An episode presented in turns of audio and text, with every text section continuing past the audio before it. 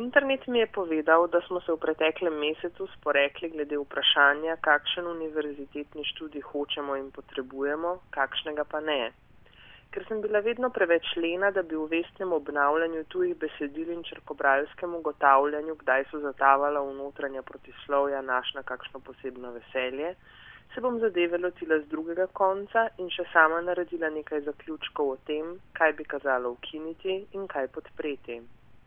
Marsikdo se bo verjetno strinjal, da je bilo brezplačno šolstvo za čim večje število ljudi demokratični sen nekega obdobja. Če ljudem ponudimo izobrazbo, jim ponudimo svobodo in jih usposobimo za odgovornost, družba svobodnih in odgovornih državljanov pa je največji približek družbi dobrih ljudi, ki si ga lahko v svetu, po katerem strašita smrt in zlo, sploh lahko zamislimo. Verjetno je vsem jasno, da se je na poti nekaj zalomilo, nekoliko večja težava pa se pojavi, ko poskušamo jasno definirati, kje. Družbena neenakost je prefrigana in ko smo že skoraj prepričani, da nam je uspelo obračunati z njo, ponovno vznikne. Tako v 21. stoletju kar naenkrat ugotavljamo, da nas brezplačno šolstvo, celo brezplačno visoko šolstvo, nič več ne zmore opremiti niti za participacijo v svetu, kaj šele za svobodo ali odgovornost. Odkar smo na našem koncu sveta do brezplačnega visokega šolstva upravičeni vsi, to nenadoma ne služi več ničemur. Čeprav nisem velika ljubiteljica teorij zarote, me vsemu na vkljub preganja občutek, da je na delu nekakšna prevara in da ta prevara nekomu koristi. Skoraj odveč je reči, da oseba, ki bi to vrstna prevara utegnila koristiti, ni slovenski študent. Za trenutek bi se rada zadržala znotraj spletkarskega momenta tega besedila in teorijo zarote peljala še en korak naprej. Malo bolj paranoičen slovenski študent se lahko hitro zatakne pri sumu, da medtem ko na filozofski fakulteti Univerze v Ljubljani starajoči se profesori brez pravega veselja obračajo liste in z njih že 20. sezono predavajo svoj doktorat, Na nekih izbranih ustanovah sedijo idealni profesori in njihovi petični študentje, ki pred nami plebejci skrivajo vednost, saj ima tisti, ki je pri vednosti tudi v 21. stoletju še vedno premoč nad tistim, ki vednosti nima. Ta namišljeni slovenski študent je ne brez razloga jezen in ljubosumen.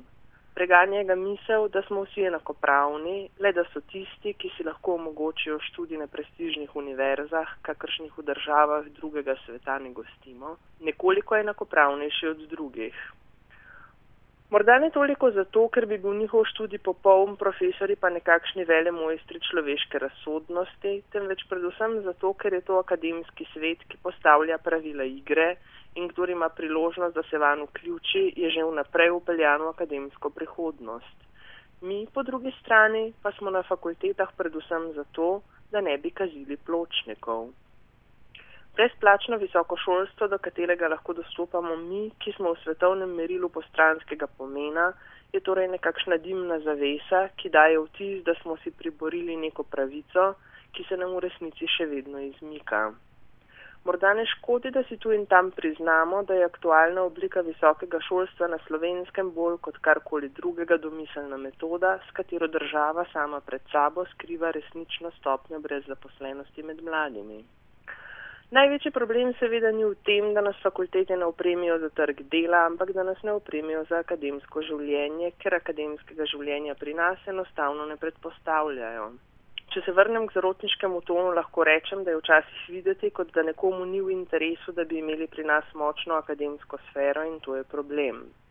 Če majhne identitetne skupnosti ne bomo razvijale svojega intelektualnega potencijala, bomo namreč kulturnim monopolistom dopustili njihovo prevlado. Vdati se brez boja pa je skoraj malo preveč trapasto, da bi bilo dopustno. Zato še vedno ustrajam na tem, da je univerzo, kot jo poznamo, res krvavo potrebno renovirati. Pereče vprašanje, ki se ob tem usiljuje, pa je, kako priti do tega, da bomo v Republiki Sloveniji končno izvedli vsaj eno reformo v šolstvu, ki ne bo reforma na slabše. Komentar je pripravila Katja Perat.